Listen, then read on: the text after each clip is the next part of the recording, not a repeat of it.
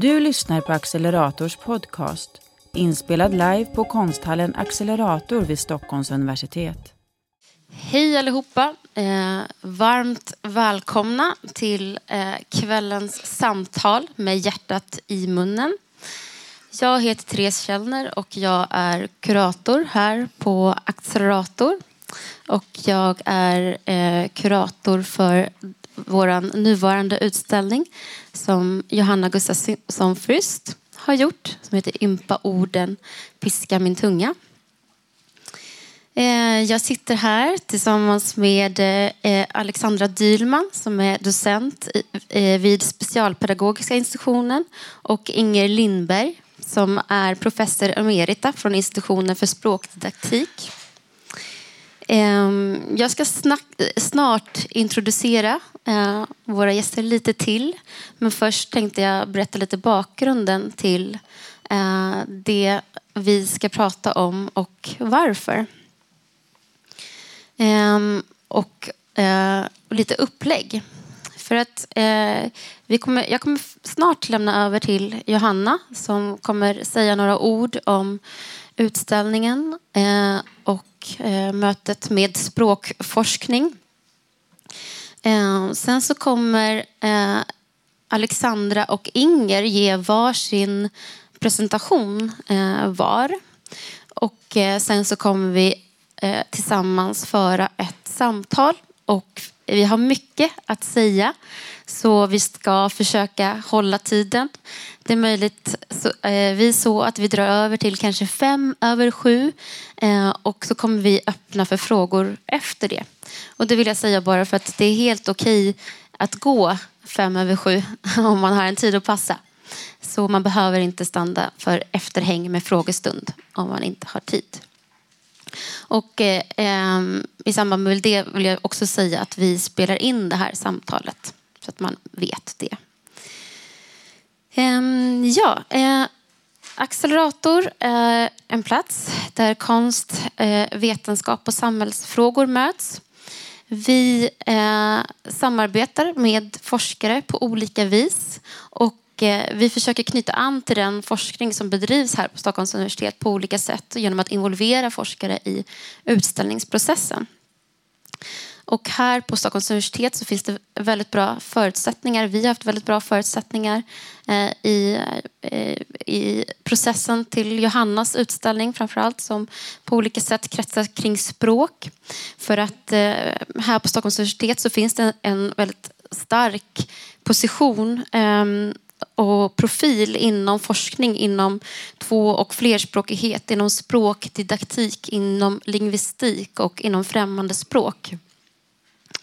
Eh, inför den här utställningen har Johanna träffat, eh, du har ju träffat många språkvetare eh, sedan ett år eh, tillbaka.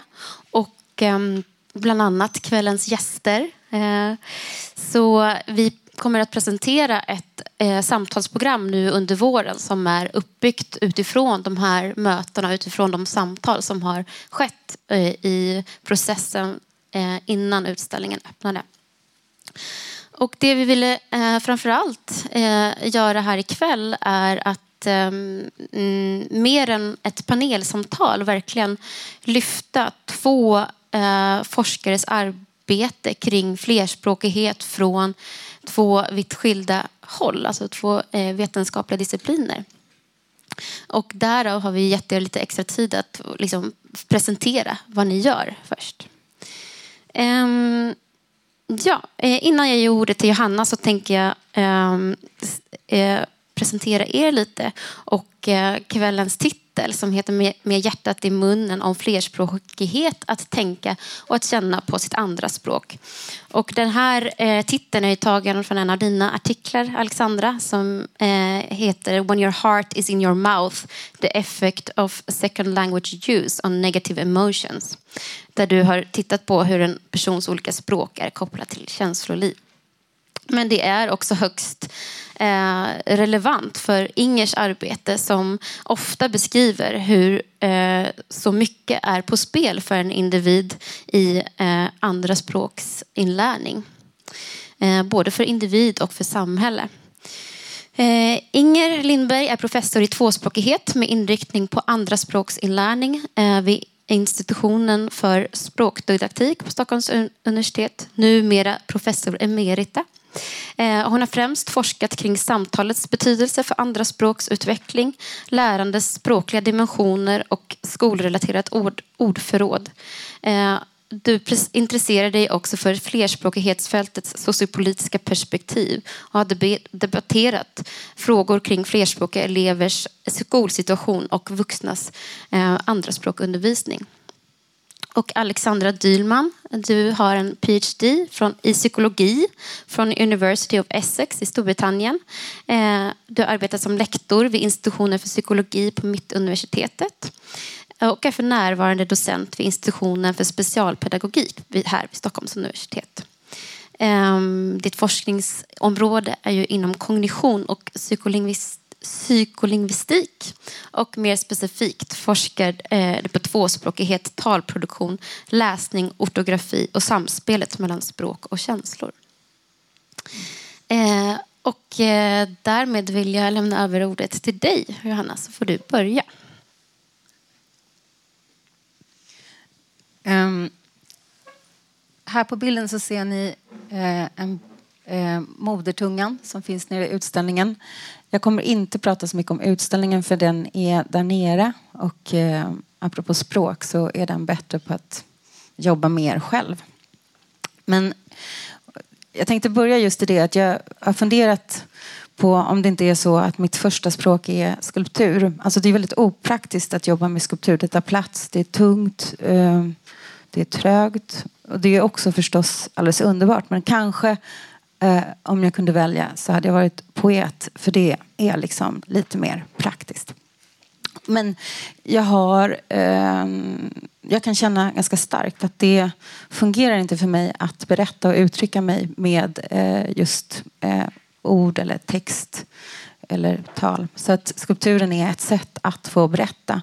Och den är också väldigt praktisk för den, den benämner in, när den benämner någonting så bestämmer den inte. Alltså den är öppen. Eh, det, och, och det är såklart språk i allmänhet också. Ni vet att när jag säger ordet jag så betyder det väldigt mer. Mycket, det kan betyda väldigt mycket. Det finns många olika jag och så vidare. Men för mig så fungerar skulptur bra. Eh, just därför för att jag känner att den inte är bestämd. Samtidigt som den är närvarande och håller sig kvar i rummet. Den springer inte iväg och döljer sig. Och jag tror hela den här liksom, resan jag har hållit på med den har såklart att göra med eh, att jag upplever att vi just nu möter ett språk till exempel. Eh, eller vi möter eh, eh alltså, det, är stora problem. Det, liksom, politiker kan ljuga och eh, det är ingen som bryr sig om det utan de liksom får ännu mer röster. Och då kan man ju tänka att språk plötsligt inte betyder något samtidigt som att vi vet att vissa ord är liksom som en piska när någon säger dem åt oss. Så just den här dubbelheten hos språket eh, eh, och sen just att jag vill ändå vara i den. Och jag är alltid i den i och med att jag arbetar som sagt med skulptur. Jag har liksom, tidigare så har jag arbetat till exempel med hur ett språkbruk som finns i affärsvärlden sipprar ner i våra vardagsliv. Eh, 2012 gjorde jag en skulptur som heter Win-Win där jag upptäckte plötsligt att Win-win, det är ju en affärsterm som man arbetar med. Liksom en bra affär, det är win-win. Men så märker jag hur det har sipprat ner i vardagslivet. Alltså om du hämtar barnen så lagar jag middag. Ah, win-win. Förstår ni hur den formen av relation i affärsvärlden sipprar ner i våra vardagsrelationer? Eh, och det eh, tycker jag i varje fall är ganska osunt. Hur som helst. Eh, eh, för två år sedan eller ett och ett halvt år sedan så var jag i Lainio. Eh, Lainio ligger i, eh, på gränsen till Finland och där mötte jag personer som verkligen har blivit utsatta för språkvåld i den försvenskningsprocess som har skett i Sverige när man vill bygga upp en nation. Och då förstår jag att min form av problem med språk är liksom ringa om man liksom jämför med den formen av hur det är för ett subjekt att utsättas för ett sånt språkvåld eller en ren språkförlust samtidigt så vet vi ju alla att eh, vi lever just nu i en tid där rasism ökar och eh, språkvåld och språkförlust har ju förstås att göra med nationsbygge och det har att göra med rasism. Så samtidigt som att jag träffar de här personerna i Lainio som har blivit förbjudna att prata meänkieli så ser jag också att det kommer motioner som, där vissa partier helt enkelt föreslår en begränsning av modersmålsundervisning, eh, förbud mot att tala till exempel andra språk än svenska på raster. Så att det här är förstås, eh, det är mycket som händer samtidigt för mig.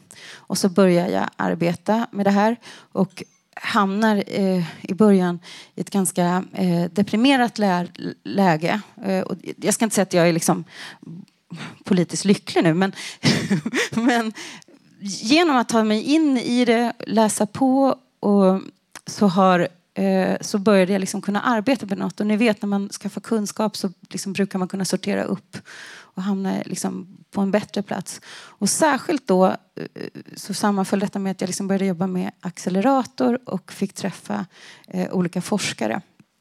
Och då blev jag faktiskt väldigt lugnad därför att det pågår en enorm verksamhet. Det finns en enorm kunskap om flerspråkighet, vikten av eh, modersmålsundervisning. Så, eh, för att då landa tillbaka i modertungan så i somras så låg jag på stranden och läste den här eh, som jag fick av Inger innan, innan sommarlovet. Eh, Andraspråksresan. Och eh, då har jag liksom samlat på mig väldigt mycket om hur det är att förlora ett språk. Eh, hur det är att eh, också att leva med flera språk och hur svårt det är att lära sig ett nytt språk. Eh, och då, jag har hållit tiden ordentligt där. Jag försöker verkligen hålla mina fem minuter. Men då, där på stranden. Och så ibland kommer mina skulpturer till mig som liksom efter träget arbete som kommer den fram. Men just den här verket har kommit ganska sent i processen. I somras så visste jag ganska tydligt hur den skulle se ut. Eh, jag ville att den skulle vara en kombination av eh, vrilar, alltså det, man kan säga att det är trästamträdets överskott samtidigt som att det är en sjukdom i de här knöliga delarna. Och så vill jag ha delar av eh, möbler som är liksom, och så vill jag plocka ihop dem och så vill jag göra en svävande form. Och sen var det ju bara att jobba eh, i ett halvår för att få fram den.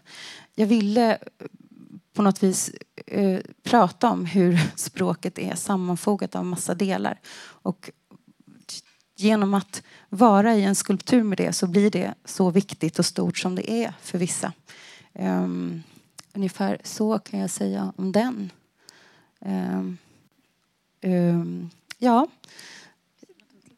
Jo, förstås. Titeln, Modetungan. eh, det är en, Eh, den, den, den kom också ganska snabbt att den skulle heta det. Dels så tycker jag om att säga modertungan i ental därför att det är också någonting som vi kommer att diskutera senare idag. Just idén om att vi har ett modersmål, ett språk, ett nation, ett folk. Det finns liksom en slags idé där som är eh, besvärlig. Men också att jag tyckte om det engelska, engelskans ord. Alltså, på svenska heter det modersmål. Jag tycker om hur engelskan pratar direkt om ett organ i kroppen och gör det så kroppsligt. För för mig har det varit just det där att förstå hur språk och kropp verkligen samverkar och blir till tillsammans. Det har liksom varit centralt för hela den här utställningen. Bra, tack. Då, eh, Inger, så tänkte jag eh, ge ordet till dig och be dig att berätta eh, om, om ditt arbete eh, och eh, vad du framförallt har forskat kring. Mm. Jag kom in i eh, andraspråksfältet eh, som invandrarlärare. Eh, jag började som SFI-lärare och eh, träffade på det sättet väldigt många människor från världens alla hörn som ställdes inför situationen att byta språk och därmed också eh, kultur. Och kunde konstatera att det var tedde sig väldigt olika för olika individer för det första men också eh, vilket mödosamt arbete detta var. Och inte bara rent kognitivt att lära sig massa nya ord och, och strukturer och så vidare utan kanske ännu mer känslomässigt. Alltså det är verkligen en, en resa eh, på många plan kan man säga. Att eh, eh tillägna sig ett eh, eh, andra språk. Eh, sen kom jag så småningom eh, till universitetet, här Stockholms universitet. Jag blev tillfrågad om jag ville delta i ett projekt där man skulle studera vuxnas språkinlärning. Och I det sammanhanget så gjorde jag en klassrumsstudie där jag framförallt fokuserade på samtalets betydelse för andra språksutveckling och kom på det sättet in på mera sociala eh, aspekter utav språkinlärning.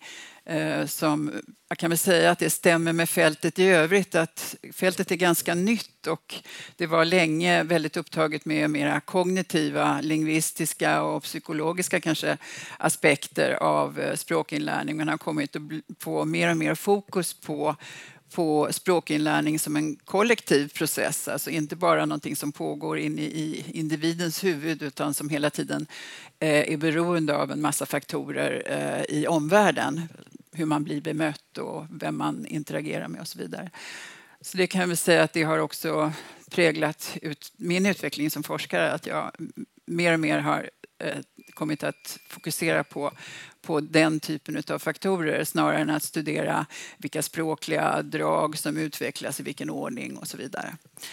Eh, så att eh, jag har då också naturligtvis som forskare utfört det som brukar kallas för tredje uppgiften och det handlar alltså om hur man för ut sin forskning till allmänheten och på olika sätt eh, försöker sprida Eh, kunskap om den. Och eh, då möter man ju inte bara i, i det sammanhanget utan också i media och, och bland människor väldigt mycket föreställningar om eh, just detta med språk och språkinlärning som kanske inte alltid rimmar så väl med det som forskningen har kommit fram till.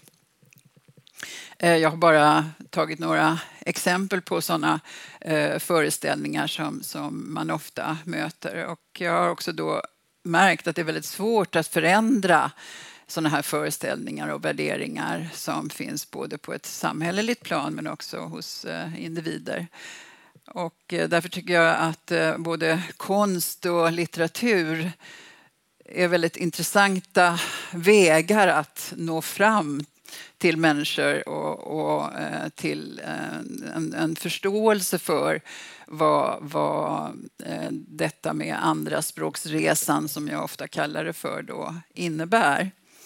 Och eh, eh, jag har fastnat för ett citat av Elias Canetti, nobelpristagare som eh, har upplevt den här resan, eller som upplevde ska jag säga, den här resan eh, många gånger i sitt liv. Han är eh, ursprungligen från Bulgarien, uppvuxen i en spansk-judisk familj med en judisk-spansk varietet och bulgariska som de språk som användes i, i hemmet. Men fick redan som sexåring Eh, uppleva Eh, mötet med en ny kultur och ett nytt språk då familjen flyttade till England för att sedan ett par år senare i samband med faderns plötsliga död eh, eh, lämna England och flytta till eh, Wien för att sedan flytta till Zürich och ja, många uppbrott och många språkbyten för, för eh, den här författaren som alltså också skrev på ett andra språk. Han blev, eh, hans, hela hans produktion är på tyska språket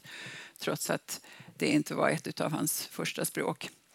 Och han säger alltså så här, här, och det ska betonas, är det inte fråga om att lära sig ett främmande språk där man hör hemma i ett rum med en lärare med stöd från alla de som i den egna staden vid alla tidpunkter på dygnet talar på det sätt man alltid varit van vid.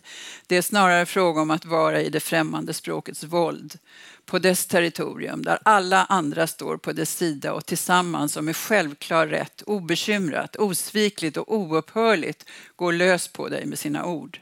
Det handlar också om att veta att du är här för att stanna. Det finns ingen återvändo, inte om några veckor, inte om några månader, några år.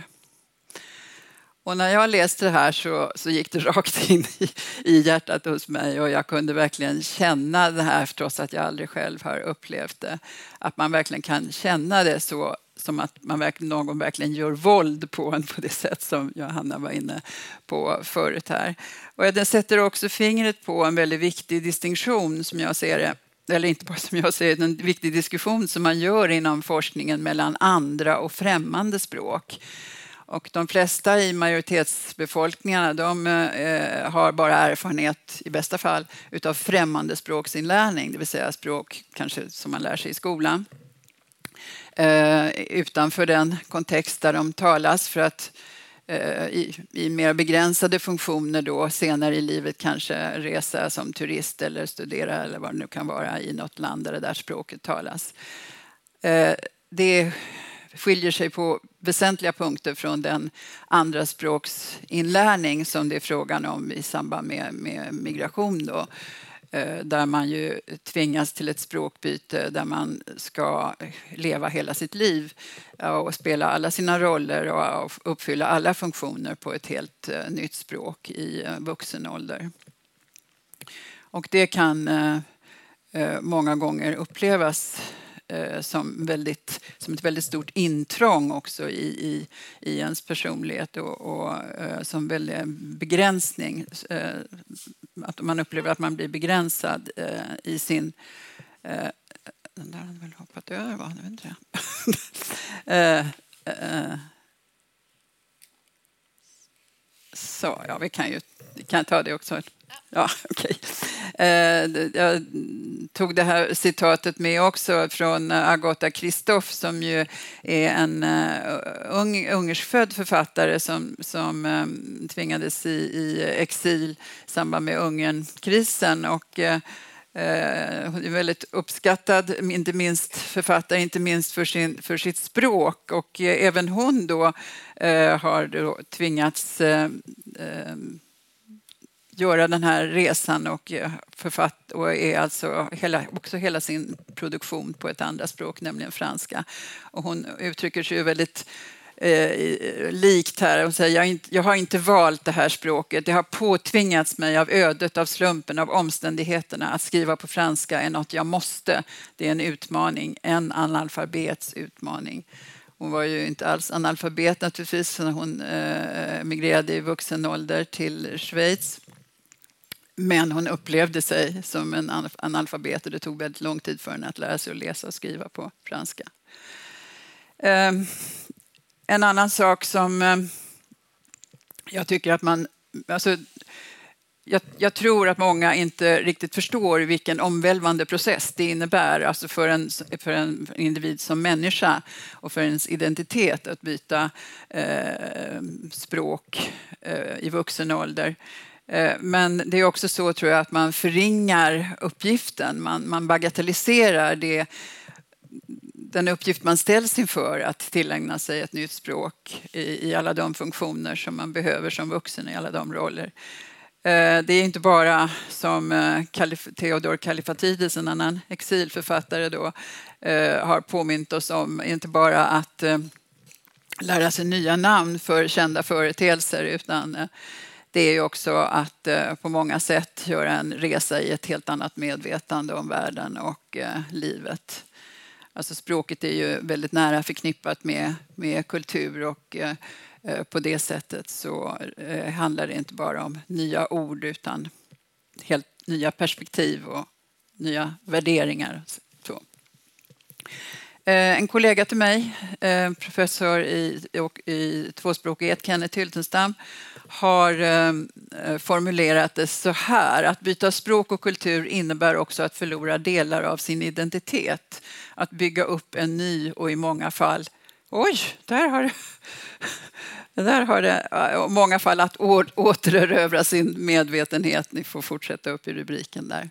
Och just detta med att eh uppleva att man förlorar delar av sin identitet är faktiskt någonting som är ett återkommande tema i forskning kring just hur andraspråksanvändare upplever eh, den här, eh, det här språkbytet. Och, eh, Katrin Ahlgren här vid Stockholms universitet, vid min institution, har i sin doktorsavhandling just eh, intervjuat eh, personer som har Eh, bytt språk och kultur i vuxen ålder om deras erfarenheter av att fungera på ett nytt språk, framför allt i, eh, i en um, arbetssituation när de kommer ut i arbetslivet. Och uh, Yves här som är uh, fransktalande, han, uh, upp, han formulerar ju faktiskt nästan precis samma det som, som eh, Kenneth Hyltenstam var inne på här förut.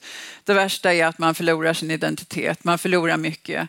Man kan välja att glömma sin identitet och börja vara en ny människa med de kunskaper som man har på svenska och försöka att använda bara dem har han skrivit i sin dagbok som han uppmanades att skriva under det där eh, eh, projektet. Och det är just i samtal eh, ju som vi eh, eh, visar, vår, visar oss för andra som den vi, vi vill eh, bli sedda för och det är i samtal som vi har möjlighet att framställa oss och relatera oss till andra och förhandla vår identitet, som man ju också kan uttrycka det som. Då. Och eh, om man då eh, inte behärskar språket fullt ut så riskerar man ju också att eh, eh, framstå som, som underlägsen på olika sätt. Och detta är ett återkommande tema faktiskt i, i eh, forskning kring kring detta med eh, identitet och språk. Och här är ett annat exempel från eh, Katrin Ahlgren här när hon eh, intervjuar Sara från Iran som beskriver hur hon eh, reagerar känslomässigt inför att behöva använda språk eh, offentligt. Till exempel när jag sitter på tunnelbanan och min socialassistent eller läkare ringer. Jag vågar inte prata om jag är i tunnelbanan för jag kanske pratar fel. Då blir jag som en stum. Så att man känner att man eh, blir eh, eh betraktad som eh, någon som inte Eh, Eh, behärskar språk, inte bara behärskar språket utan eh, är underlägsen eh, på, på olika sätt. Men det finns ju också en frihet i att byta språk, menar åtminstone Kalifatides här. Och det är faktiskt många som, som ger uttryck för det. Att det kan öppna upp för en ja, frihet att spränga gränser och bryta mot regler. Eh, det finns också friheter med att skriva på ett annat språk, säger han, än sitt modersmål. Känslomässigt är orden kanske inte lika belastade. Det är ett främmande språk, det har ingen ryggsäck. Jag kan inte kosta på mig att leka på svenska. Jag söker mig gärna till större klarhet och tydlighet. Jag kan inte dekorera språket. Man kan förädla det man kan. Man kan göra en dygd av sina begränsningar. Och begränsningar har vi ju alla. Jag vet inte om man kan känna igen det kanske i sitt eget språkbrukande på andra språk. Ibland kan det kännas lite sådär eh, lockande att eh, använda eh, ett språk som man inte behärskar så väl och utforska, det, utforska gränserna för det. Det kan hända att det här svenska musikundret som vi talar om med ABBA-texter och Eh, ja, ni vet alla som har följt i deras eh, fotspår. Det lär ju vara så att deras engelska är ju, eh, sticker ut lite grann. Eh, och det kan också vara någonting positivt och ligga en, en, en styrka i det. Att våga gå utanför gränserna för, för det korrekta, normerade språket. ja, Kalifatides beskriver ju här att eh, han, att han inte kan kosta på sig att leka runt på svenska. Det eh, är också någonting som eh, kanske Agota Kristoff där kännetecknar hennes språk, att det just är så otroligt rakt och tydligt och går liksom inte några omvägar utan det finns någon, eh, en, en, styrka också i att ha den här, de här ramarna som man kanske har när man betraktar eller man använder ett språk som man också kan betrakta utifrån. Eh, till skillnad då från modersmålet, moderstungan. Eh, mitt grekiska språk, säger Kallifatides här, blir mer än en, mer en oas än ett instrument. Jag sjunger ibland högt, obscena sånger på, på grekiska, berättar historier för mig själv på grekiska, svär på grekiska. Jag vilar ut och det är precis vad man bör göra i en oas. Jag tänkte stanna där. Tack så mycket. Eh, ja, tack Inger. Då eh, tänkte jag be dig, Alexandra, att eh, presentera ditt arbete lite närmare. Tack. Ehm, jag vill börja med att säga att jag tycker att det är jättekul att få vara här och berätta om min forskning i samband med eh, eh, Johannas väldigt spännande utställning. Eh, och som Therese nämnde i början så ehm, har jag min bakgrund i kognitiv psykologi ehm, och är till skillnad ifrån mer lingvistiska eller språkstrukturella eh, aspekter av språk så jag är mer intresserad av det mänskliga eh, användandet av språk som ett verktyg för kommunikation, för eh, ja, också tankar, interna reflektioner och så. Eh, som den här eh, bilden eh, illustrerar på ett ganska roligt sätt. Eh, och eh, jag är framförallt intresserad av ehm, tvåspråkighet eller flerspråkighet i min forskning. Ehm, och eh, intresserad av att undersöka olika, alltså flerspråkighet från olika aspekter men kanske lite till skillnad från Ingers eh, som tittar på det lite mer på ett ja, samhällsplan på sätt och vis. Eh, så eh, tittar jag i min forskning mer på eh, ja, mer individ, vad som händer i hjärnan vid språkanvändning. Ehm, sak, aspekter som eh, talproduktion, läsning och skriv och, eh, skriv och, så, och så vidare.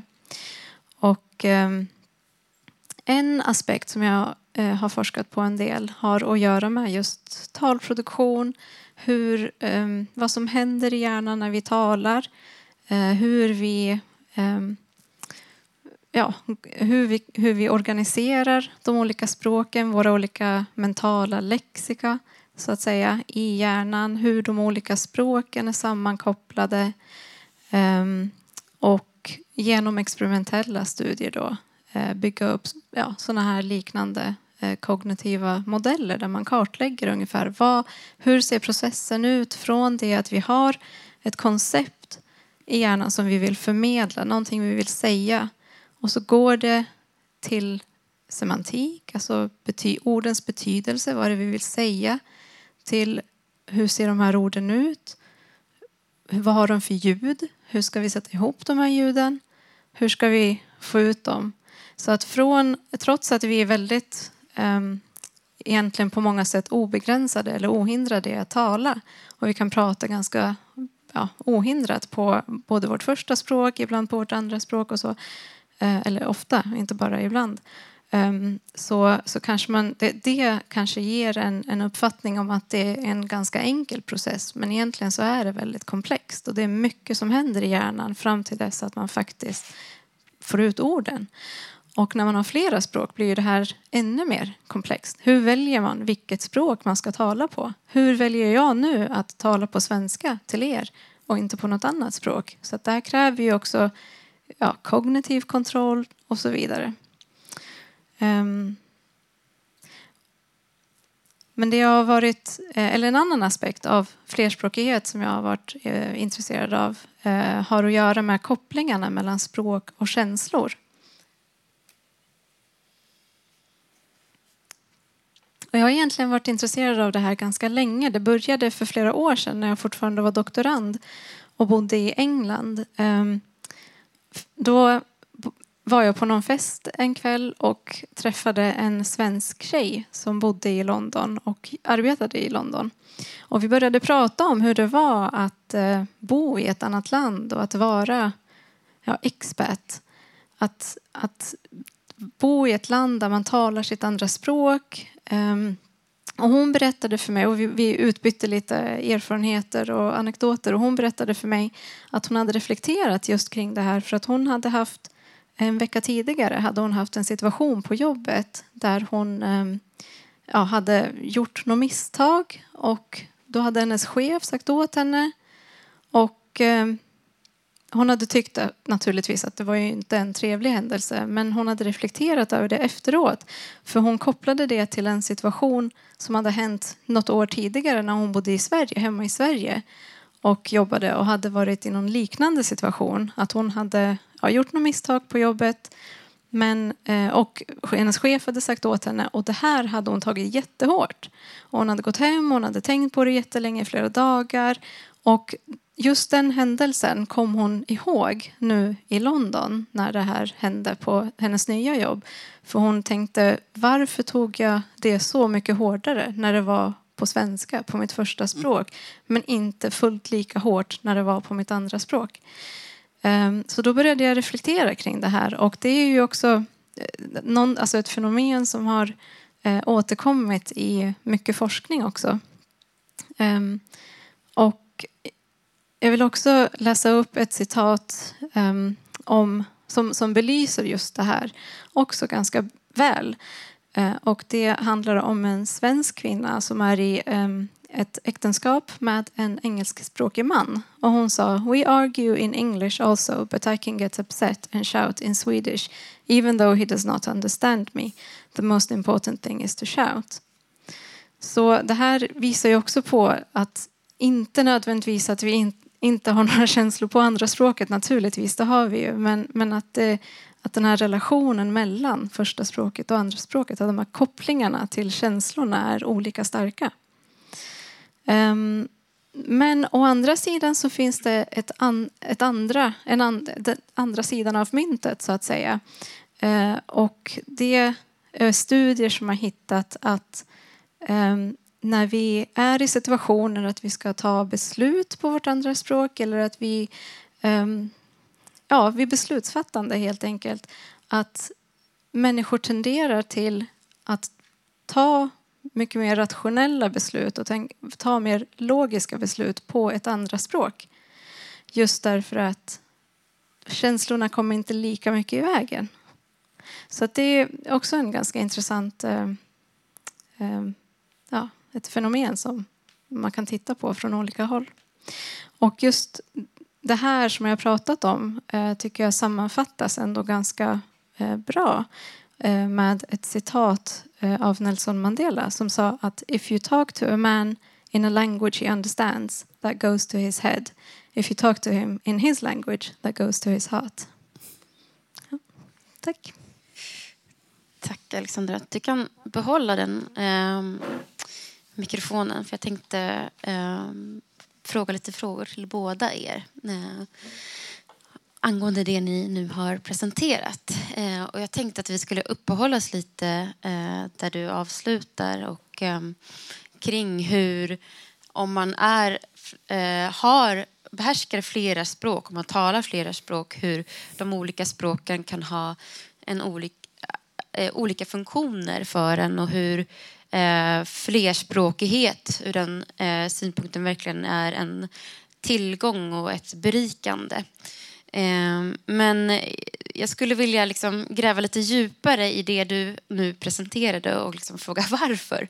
Alltså är det så att eh, om det är så att man, är, man känner starkare på sitt första språk och eh, eh är mer rationell på sitt andra språk Ehm, är det så att uh, det ena språket sitter i ena hjärnhalvan och det andra språket sitter i andra hjärnhalvan? Eller hur, hur, uh, hur funkar det? Varför, varför är det så? Eh, det finns ju naturligtvis, nu har jag ju bara väldigt kortfattat sammanfattat det här, men det finns ju naturligtvis många olika aspekter som påverkar just den här, de här kopplingarna naturligtvis.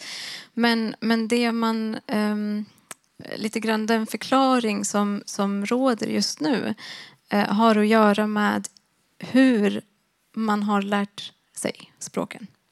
Så ett första språk lär man ju sig i eh, en, en mycket mer generellt varierad eh, emotionell, alltså känslomässig eh, situation. Att man har många olika situationer, till exempel under sin uppväxt, som är också känslosamma. mer eller mindre. Att vi alltid känner någonting varje gång vi gör någonting. Varje gång om vi, om vi eh, som barn till exempel har, har hjälpt vår mamma baka i köket och lärt oss att det här är ordet för ja, de här olika sakerna. Och, eller att man blir tröstad när man har ramlat ner från cykeln eller sådana saker som, eh, som på något sätt då knyter ihop känslorna till språket på ett annat sätt än om man jämför med att lära sig eh, till exempel ett andra språk i ett klassrum som är ganska neutralt, där man lär sig grammatik, där man lär sig glosor och så vidare. Så att det liksom att inlärningskontexten eh, spelar stor roll. Okej. Um, men um, i, den, uh, i den artikel som vi har hämtat titeln till det här samtalet till, eh, som du har skrivit, alltså eh, When your heart is in your mouth, the effect of second language use on negative emotions. Där har du framförallt eh, det jag tyckte var väldigt spännande att läsa där är liksom potentialen med att använda ett andra språk framförallt i bearbetning av trauma eller i liksom, eh, eh, ja, men Eh, hur det kan användas eh, för att eh, arbeta kring ångest och så vidare. Kan du berätta lite om den, den undersökningen och den, det du skrev i den artikeln kring det?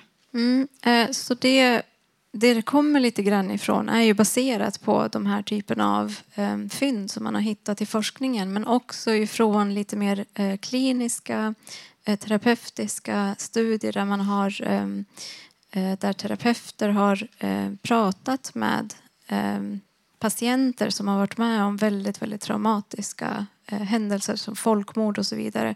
Och upptäckt att vissa av de här patienterna tycker att det är för svårt för att prata om det som de har gått igenom på sitt första språk och att det på något sätt lyfter begränsningarna, de känslomässiga begränsningarna att få berätta, i alla fall till en början, på ett andra språk som inte är så eh, känslomässigt eh, tungt.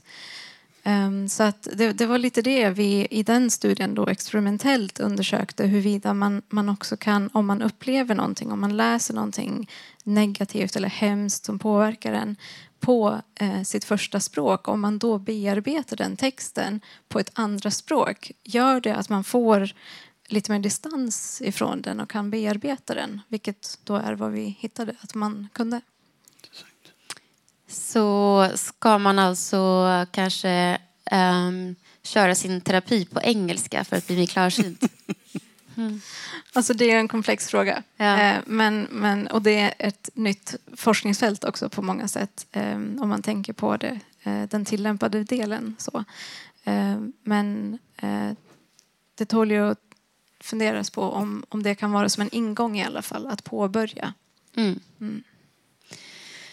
Um, ja, men när vi befinner oss här i liksom, eh, de olika eh, funktionerna av olika språk eh, som en person kanske bemästrar ehm, då tänkte jag fråga dig, Inger, lite mer om ehm, det här bara klargörande kring eh, dels skillnaden mellan första språk och modersmål och någonting som du har arbetat mycket Eh, eller i alla fall pratat mycket med oss om just det här, alltså vikten av att stärka sitt första språk för ehm, eh, att sen eh, hjälpa inlärning av ett andra språk. Ehm, skulle kunna säga, utveckla det lite. Ja, när det gäller terminologin här med första språk och, och modersmål så ehm, eh, kan man väl till att börja med säga att eh, i eh, i forskningen så har man operationaliserat de här begreppen på ett sätt för att, för att vara säker på att alla använder termerna på, på samma sätt. Så att man talar kanske hellre om första och andra språk där. Eh, eh, och det kan ju handla om då att man har flera första språk naturligtvis. Eh, och det är helt enkelt de språk som man lär sig först i samband med primär socialisation i, i hemmet. Då. Det kan ju vara flera stycken som sagt. Och sen så har man satt en gräns och den är ju, jag ska inte säga att den är godtycklig, men, men den är naturligtvis inte på något sätt eh, exakt vid tre års ålder för första och kommande andra språk. Så att de språk som man lär, lär in efter att man har så att säga etablerat sina första språk vid ungefär tre års ålder, eh, så då talar man om andra språk helt enkelt. Eh, men eh, du frågade också om vikten av att man får behålla och fortsätta att utveckla sitt eller sina eh, första språk. Det, det är en fråga som är jätteviktig i skolsammanhang, i utbildningssammanhang. Och där kommer ju frågan om, om modersmålsundervisning naturligtvis in. Och eh, för de eh, som är födda och eh, uppvuxna i, i Sverige så, så kan man, då är det ju viktigt att man, att man naturligtvis, alltså, att, att få behålla sina, sina språk som ju är berikande på olika sätt och som, som öppnar eh, vägar för en på olika sätt och används i olika funktioner och så. Eh, självklart, men för, om man kommer senare till Sverige, alltså efter födelsen man kommer efter födelsen. Eh, ja, i alla fall. Eh, kanske vid skolstart eller under skolåldern så tar det ju eh, väldigt lång tid innan man hinner utveckla ett andra språk till en nivå där man kan fungera fullt ut och också tillgodogöra sig kunskaper fullt ut på det språket. Så att där spelar ju modersmålet första språken eh, jätteviktig roll eh, att, eh, eh för också inlärningen, inlärningen och att man inte ska gå miste om en massa kunskap då under tiden man inte har tillägnat sig, sig eh, det här andra språket fullt ut. Men, men självklart är det också viktigt för, eh, för ens eh, personliga utveckling. Första språket utgör ju någon slags kontinuitet så länge det inte bryts. Eh, tvingas man eh, byta språk så, så eh, har det också negativa konsekvenser, inte bara för ens språkutveckling utan också för ens kognitiva utveckling. Och det är ju faktiskt så att språken berikar varandra.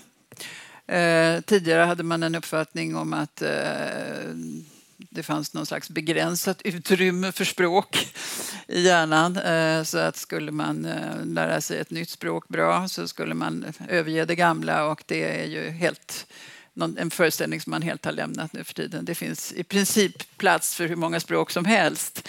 Men det är bara det att de måste underhållas också och det kan vara lite svårt att hinna med på dygnets 24 timmar. Um, ja, men apropå det att, det liksom, att hjärnan, eller att vi har plats för många språk eh, så, och vikten av att liksom behålla sitt första språk aktivt. Då skulle jag vilja återgå lite till dig, Alexandra, kring hur, um, ja, men hur eh, du, har, du har pratat om att man har som flera olika lexikon som är aktiva samtidigt eh, hos en person som är flerspråkig. Alltså hur, Eh, hur funkar det? Alltså varför är det bra att det första språket är, inte glöms bort utan eh, att man faktiskt eh, har flera språk? Varför hjäl hjälper det också i eh, eh, talproduktion? Mm, precis, så att ehm, det, det finns ju mycket forskning som, som stödjer ehm, Ehm, eller som har visat att har man flera språk eh, då är de aktiva samtidigt. Så att det handlar inte om att man måste på något sätt ehm, sätta på ett språk utan det handlar om, snarare om att välja vilket språk som man ska producera till exempel. Ehm, så, så att det har man ju sett också att om man talar på ett språk eller om man bearbetar ett språk så påverkas man också av orden i det andra språket som man har. Um, och det här sker ju hela tiden så att det, det, handlar mer om att vi på något sätt måste välja vilket språk uh, så att vi har någon slags kognitiv kontroll över det. Och um, det här kan ju vara en tillgång för att um, om vi tar ett konkret exempel uh, så som eh, ingen var inne på också, det här med myter om att ja, men, man kan bara lära sig ett språk.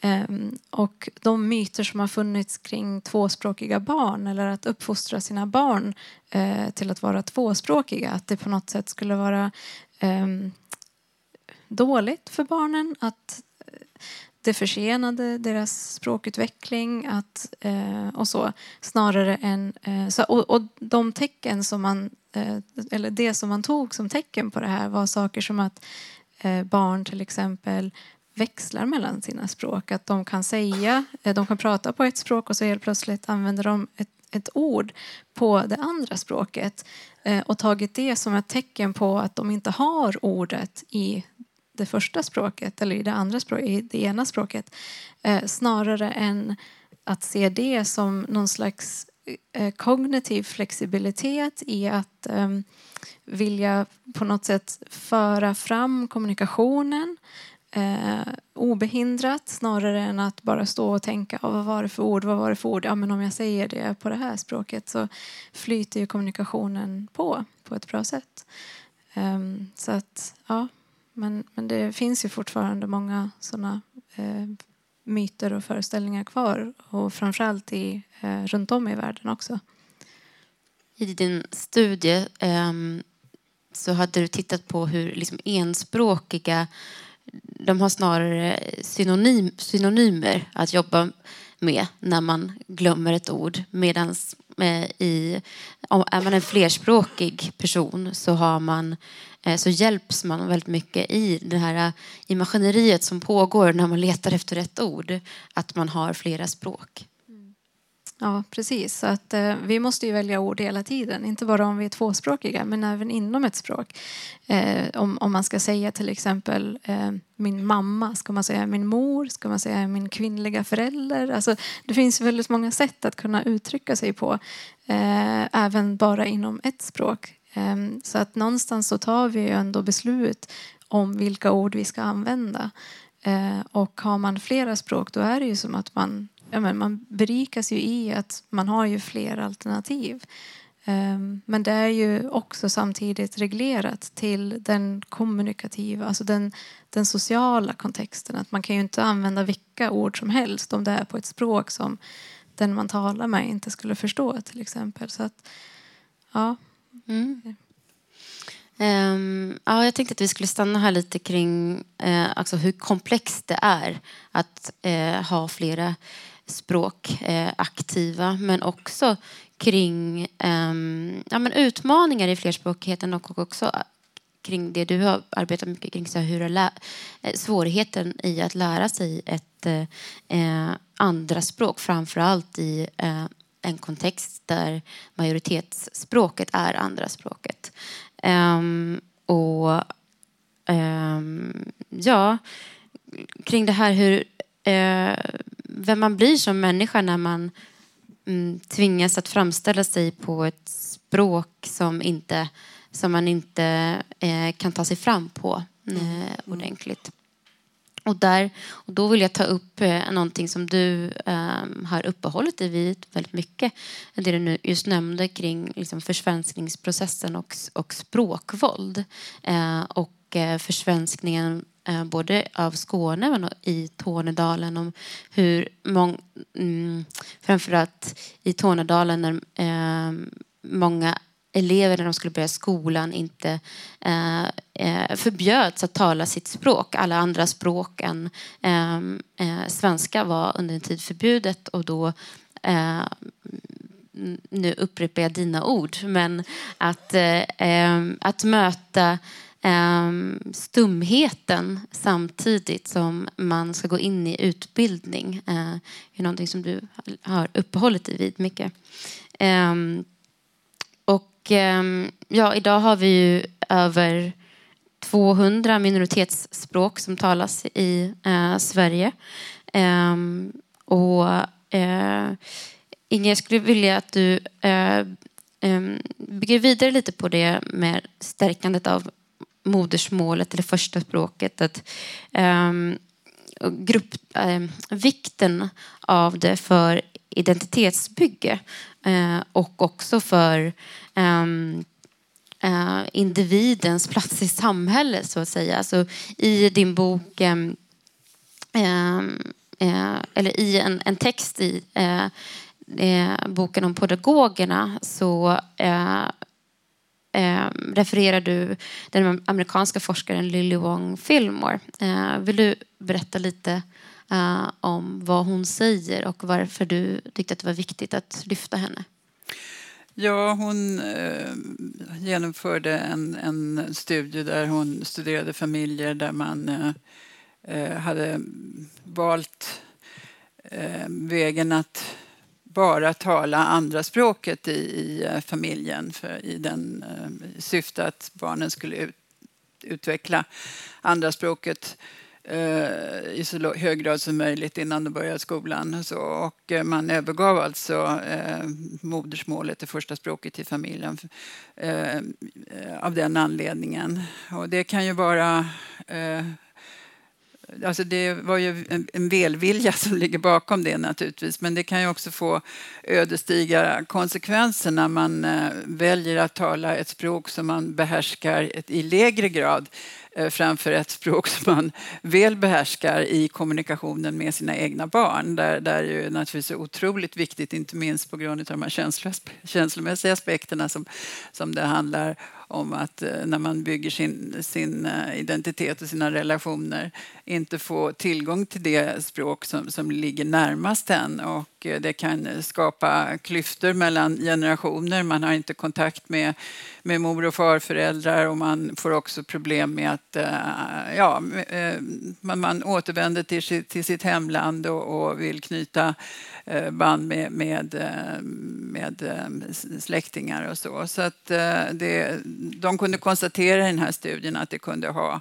ödesdigra effekter för, för de här barnens vidare utveckling. Att de hade förlorat något väldigt viktigt i, i den nära kontakten med, med föräldern genom att de inte hade valt ett, sitt starkaste språk så att säga att kommunicera på. Mm. Och det återknyter till detta med, med språkets väldigt viktiga betydelse för identitetsutveckling. Och så. Alexandra, vill du säga några ord där om den nya modersmålsutredningen?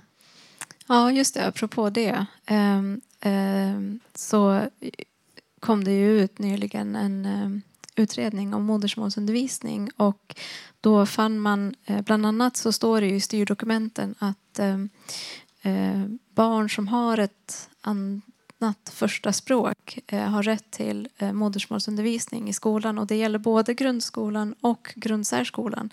Men det man hittade var att trots att både grundskolan och grundsärskolan eh, har samma förutsättningar, rättigheter och så eh, så valde barn och, eller elever och föräldrar till elever i grundsärskolan ehm, eh, att ansöka om att få modersmålsundervisning i mycket lägre grad för att man ehm, ja, var rädd för att det skulle vara ogynnsamt, att det skulle ha en ogynnsam effekt på barnen. Att de, inte skulle, att, att de hade ju svårt nog att kommunicera på sitt andra språk. Så att de inte ville liksom blanda in första språket i det.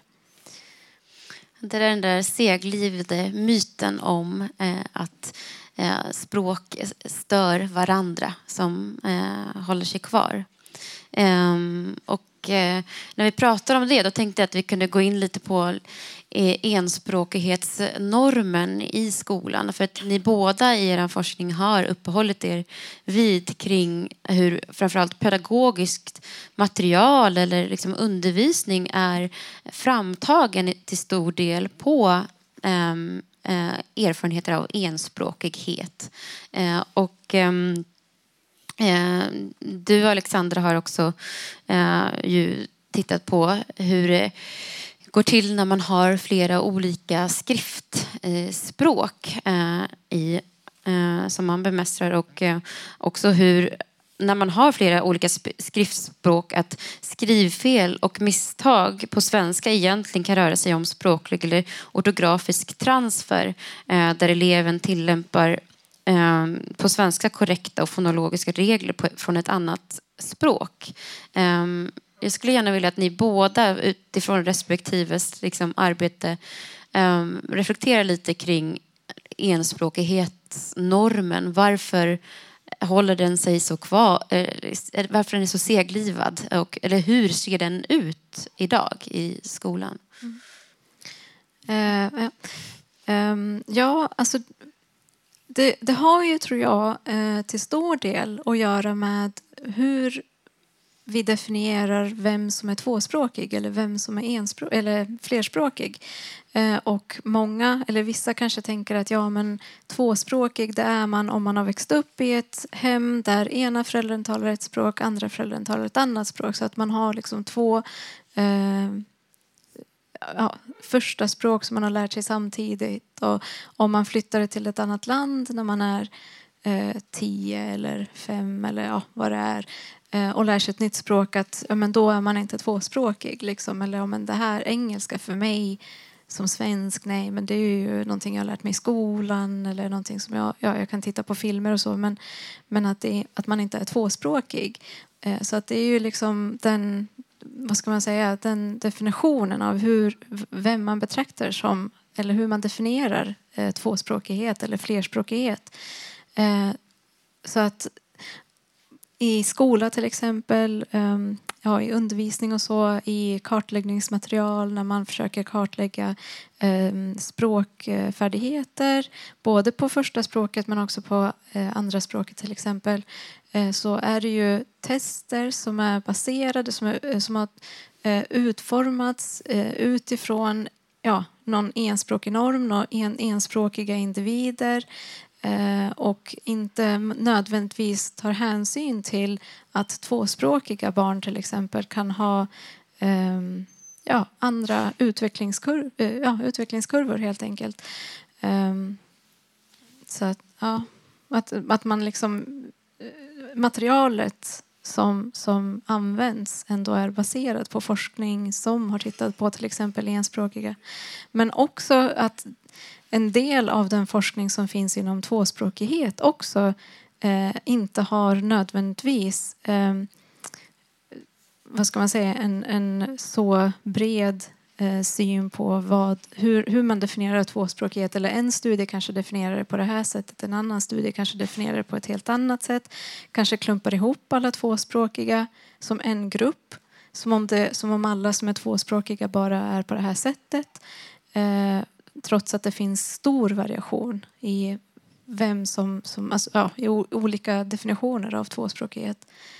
Idag är väl en majoritet flerspråkig? Ja, det stämmer. Eller hur, Inger? jo, eh, allihop är väl det i en eller annan mening. Men jag håller verkligen med Alexandra om det här med synen på, på två eller flerspråkighet eh, som, som eh, att man ska ja, att det betyder att man kan ett eller flera språk precis på samma sätt och det är helt balanserat. Och, och eh, är det inte det så, så är det brist. Då är det någonting som är fel och då, då är det skadligt för då, då växlar man till exempel mellan språken därför att man inte behärskar det ena eller det andra tillräckligt bra. Och, och det är liksom den bristsynen som väldigt mycket lever kvar fortfarande. Jag brukar säga att vi har en enspråkig norm i ett flerspråkigt samhälle och det är klart att det leder till, eh, till eh, problem. Men, men just detta att eh, eh, man som flerspråkig eh, använder sina olika språk i olika funktioner och i olika roller, i olika kontexter. Och, ja, det finns liksom inte någon parallellitet i det här utan det, det, man, man går ut och in ut och in ur språken och det kan man göra tillsammans med andra flerspråkiga Eh, med stor framgång. Men det är klart, att hamnar man i en enspråkig miljö då får man lov att försöka hålla sig till till, då får man bara använda ena armen liksom, när man i vanliga fall kan använda alla sina kroppsdelar kanske. Men eh, det är klart att det tar tid att ändra på föreställningar om den eh, språkliga renhetens eh, eh suveränitet. Liksom. Och, eh, eh, men jag tycker ändå att det finns en attitydförändring ute i skolorna i alla fall. Eh, att eh, kunskapen har ökat men tyvärr så är det fortfarande så att kunskap om flerspråkighet den, den eh, är ju nästan ja, den ligger hos lärare i svenska som andraspråk och modersmålslärare. Och, och, resten av lärarna de får inte med sig kunskaper om, om flerspråkighetens villkor i sin lärarutbildning överhuvudtaget. Eh, och eh, att ha kunskaper om hur det går till att lära på ett andra språk och hur man som lärare kan underlätta för elever som lär på sitt andra språk. Eh, det är ju helt avgörande för att man ska eh, nå fram till alla elever och för att få en likvärdig skola menar jag. Och därför så är det ju på tiden att vi får in de här aspekterna i all lärarutbildning. För alla lärare måste kunna möta alla elever. Så mm. enkelt är det ju. Mm. Ja, vill du kommentera? Ja, eh, bara spinna vidare på det. Att eh, det är vikten eh, av det som ja, Inger lyfter nu om att eh, alla lärare bör få med sig de här verktygen. För att alla lärare i princip eh, arbetar ju med flerspråkiga elever för att engelska är ett eh, eh, grundämne i skolan som är obligatoriskt vilket betyder att alla lärare ändå eh, på ett eller annat sätt bemöter barn som, eller elever som lär sig ett andra språk. Mm. Eh, så att ur den kontexten också, inte bara att det handlar om barn som, som har ett annat hemspråk mm. hemma utan att det är alla barn. Och allt mer i dagens digitaliserade samhälle där, eh, det, ja, där barnen tittar på Youtube, de håller på med gaming, alltså de har jättemycket engelska. Eh, och det måste ju onekligen också påverka. Tack. Jag, eh, vi, vår tid är typ ute. Eh, jag skulle vilja ehm, hoppa några av några frågor bara för att eh, fråga er om någon korta reflektioner och ta oss tillbaka till eh, utställningen och konsten och det du inledde med kring eh, hur ord är eh, högst närvarande och viktiga för dig eh, i ditt arbete men det är skulptur som är ditt språk. Och ehm, eh, hur... Jag skulle vilja ehm, dels fråga eh, om ni har en reflektion eller vill knyta an eh, till någonting ni har sett i utställningen, till ett arbete men också framför allt det eh, Johanna liksom öppnade med att ha fler olika typer av språkligheter i sin praktik. Vi har pratat om eh, nästan som Jane Austens förnuft och känsla började vi prata om, alltså också eh, eh, skillnaden, det rationella och det emotionella. Eh, finns det sådana typer av uppdelningar i er praktik, ert arbete också eh, utifrån Um, um, ja, olika delar av ert arbete. Och eh, ja, jag börjar med dig Alexandra om du vill kommentera. Um, ja, men jag, eh, jag håller verkligen med Inger som, uh, det, i det hon sa i början som hon inledde lite grann med att det blir lite grann den här tredje uppgiften och att det är ett så bra uh, medium att nå ut till samhället och kunna liksom via uh, konst bland annat då verkligen knyta an till Ehm, forskningen också och, och nå ut med forskningen så att den inte bara eh, stannar hos forskarna själva. Så att jag tycker att det är verkligen spännande att eh, ni har anordnat de här eh, seriesamtalen. Ja, jag tänker på det här att vi alla är så viktiga. Eh, vi spelar en viktig roll i hela den här språkresan som så många människor eh, företar sig. Eh, och eh, det att det inte är enbart, det hänger inte på den som ska lära sig språket till 100 procent utan att de människor som man möter på vägen och interagerar med och på olika sätt blir beroende av spelar en sån fantastiskt viktig roll. Dels deras attityder och värderingar gentemot en som individ naturligtvis, men också för att man ska bli eh, inkluderad och talad med och på det sättet också få, få möjlighet att utveckla sitt, sitt språk.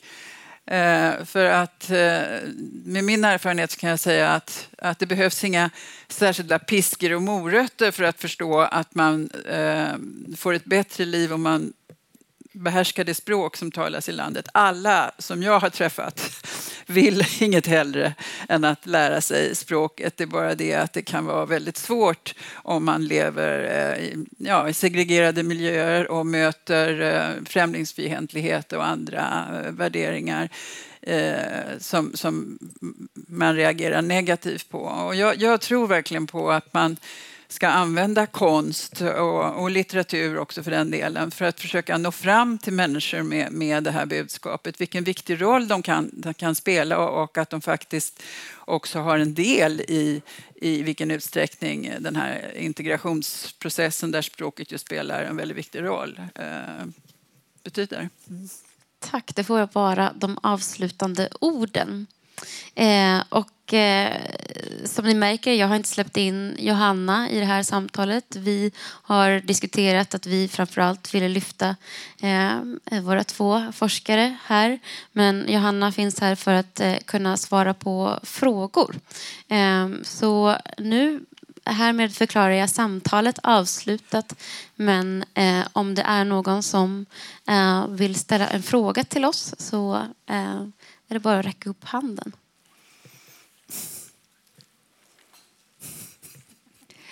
Nej, men eh, fint. Då vill jag säga att eh, vi finns här. Eh, utställningen Accelerator och utställningen är öppen fram till klockan åtta. Vi kommer hänga kvar en liten stund så det är bara att komma fram att ställa en fråga. Okej, vi har en fråga. Vi har två frågor, tre frågor. Okej. Ehm, ja, får gärna.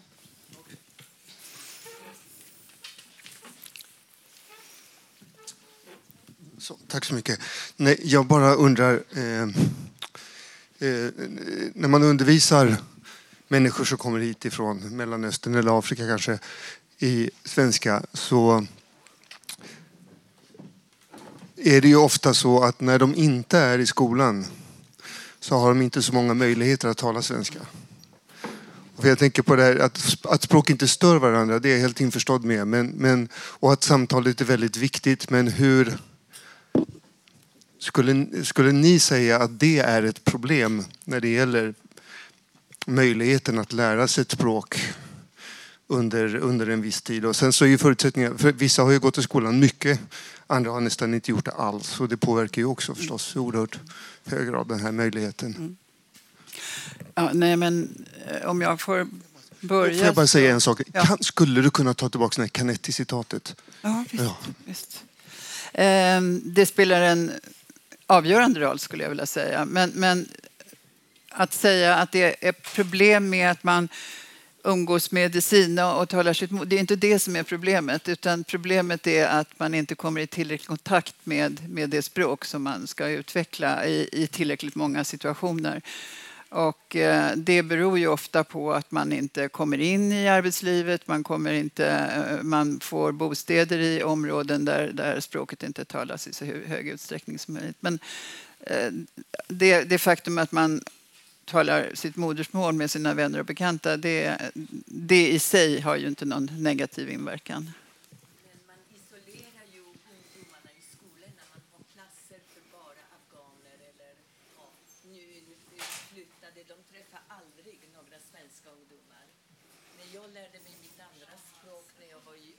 Årsåldern, då fanns det inga... Alltså, eh, på den tiden jag fick komma in i en fransk klass och jag fick klara mig och jag lärde mig språket väldigt, väldigt fort utan någon hjälp. Mm. Så att man måste få komma in i ett sammanhang. Ja, men det, några afghanska klasser är det ju inte frågan om. Det finns inte. Ja, och då, I så fall talar du om språkintroduktion för ungdomar som kommer, ensamkommande ungdom. Ja, men, men eh, det är nog konstaterat att den korta tiden de går i språkintroduktion är väl använda eh, är väl använd tid och jag tror inte man kan jämföra den situationen med den som du var i om jag får äh, säga vad jag tror. Ja. Nej, men det beror inte på att de, att de får på undervisningen i skolan utan det beror på deras levnadsförhållanden i mycket högre utsträckning. Har vi någon ytterligare fråga? En till, en sista. Tack. Eh, eftersom jag inte är språkvetare eller någonting sånt så har jag en väldigt grundläggande och oinitierad fråga. Nämligen vad är det som gör ett modersmål till just modersmål? Egentligen? Det har det att göra med vem man lär sig språket av eller vilken social eh, miljö. Eller har det att göra med att man lär sig ett språk innan man har ett begrepp om språkinlärning? Eller har det att göra med åldern? För att man lär sig ju modersmålet, vad jag förstår, på ett annat sätt än man lär sig språk senare. Eh, ja, och Inge var ju lite grann inne på det här att det handlar om definitionen av de här begreppen också, hur man operationaliserar det. Det är därför man oftare inom forskningen kanske inte använder uttryck som just modersmål utan snarare första språk eh, och andra språk, alltså i sådana termer eh, snarare än just modersmål. För att det ehm, det finns ju mycket, vad ska man säga, det finns ju mycket kraft bakom eller makt bakom olika typer av ord som man använder.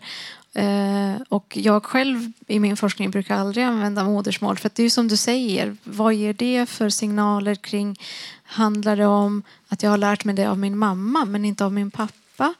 Eh, så vad, vad, kallar man, man, man pratar ju aldrig om fadersmål till exempel.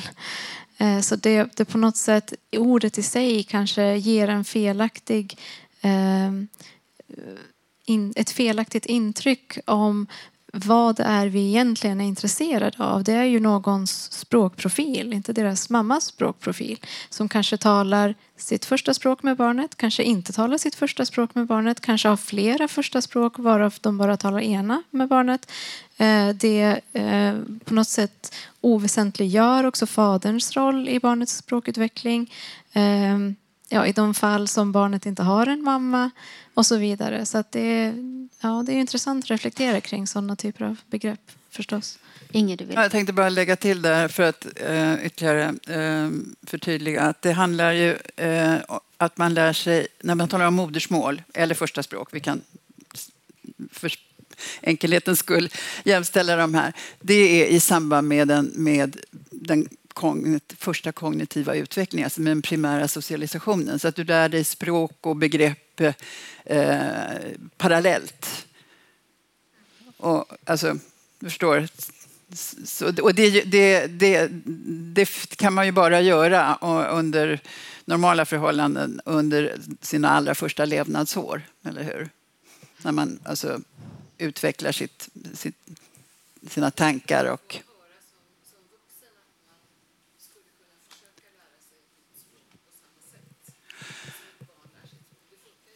Nej, då måste man födas på nytt.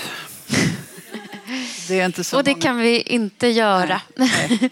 jag tror att eh, vi får ta och avrunda eh, här. Jag är jätteglad över att se så många eh, som ville lyssna på det här samtalet eh, ikväll. Eh, eh, stort tack till er och till våra gäster.